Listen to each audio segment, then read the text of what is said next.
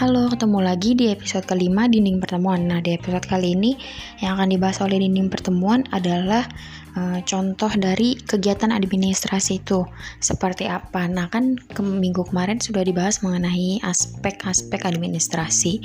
Jadi ada efektivitas dan efisiensi, ya kan? Nah, pada pembahasan kali ini akan diberikan contoh mengenai efektivitas dan efisiensi uh, dari sebuah kegiatan yaitu salah satunya adalah membuat makalah.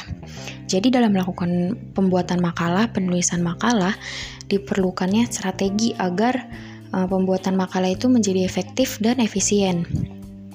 Sebelumnya yang perlu kita ketahui adalah makalah adalah karya tulis ilmiah untuk membahas sebuah masalah.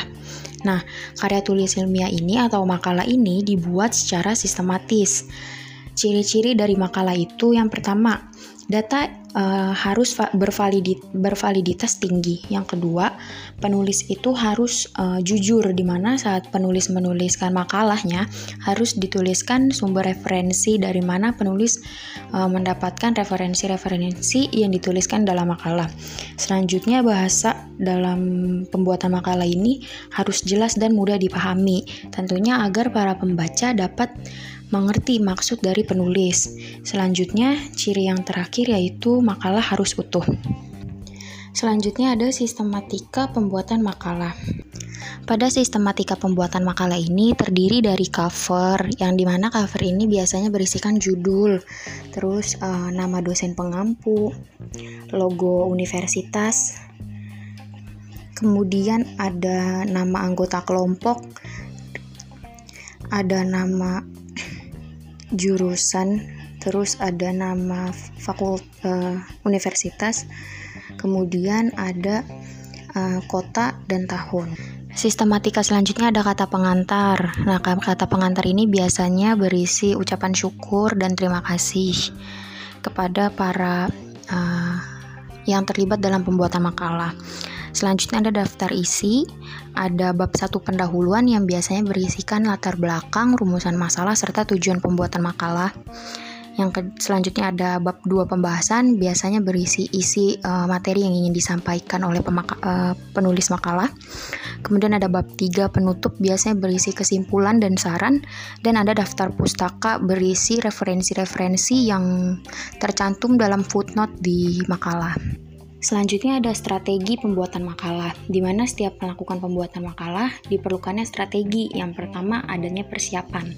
Nah, persiapan ini langkah-langkahnya bisa dimulai dengan mengumpulkan referensi, uh, terus membaca referensi tersebut yang sudah dikumpulkan, kemudian dibuat kerangka, selanjutnya dikembangkan kerangka yang sudah dibuat. Nah, selanjutnya strategi yang kedua yaitu penulisan. Pada penulisan kita dapat mengkaji semua referensi yang sudah kita dapat dari kerangka yang sudah dikembangkan. Kemudian kita bisa memperhatikan teknik penulisan serta kita menguraikan inti sari dari apa yang kita pahami dari referensi yang sudah kita dapat. Selanjutnya yaitu pemeriksaan hasil tulisan. Ini dilakukan apabila makalah yang kita tulis sudah selesai semua gitu dari cover sampai ke daftar pustakanya. Jadi kita bisa periksa terkait dari ejaan, apakah sudah sesuai dengan EYD atau kata, uh, penggunaan kata dan kalimatnya, serta tanda bacanya.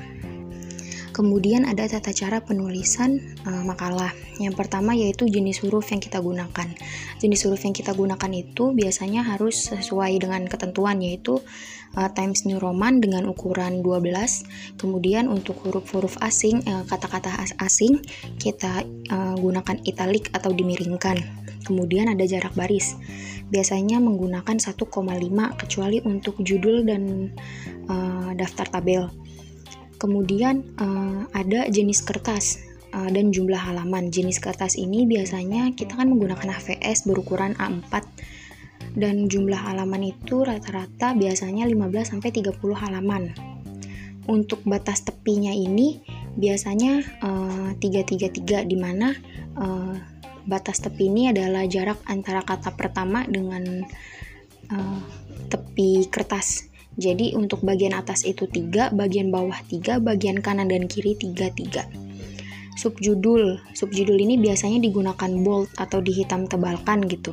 Dan semua hurufnya itu harus di menggunakan huruf kapital kecuali kata penghubung dan kata depan.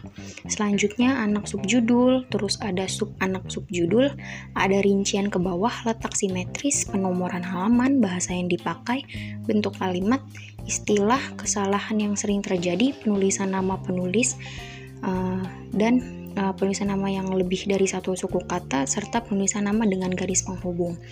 Itu semua uh, tata cara penulisan yang harus ditulis dengan konsisten dan nggak bisa dan nggak berubah-berubah gitu dalam satu kali makalah. Mungkin segitu yang bisa saya sampaikan. Sampai ketemu di episode selanjutnya.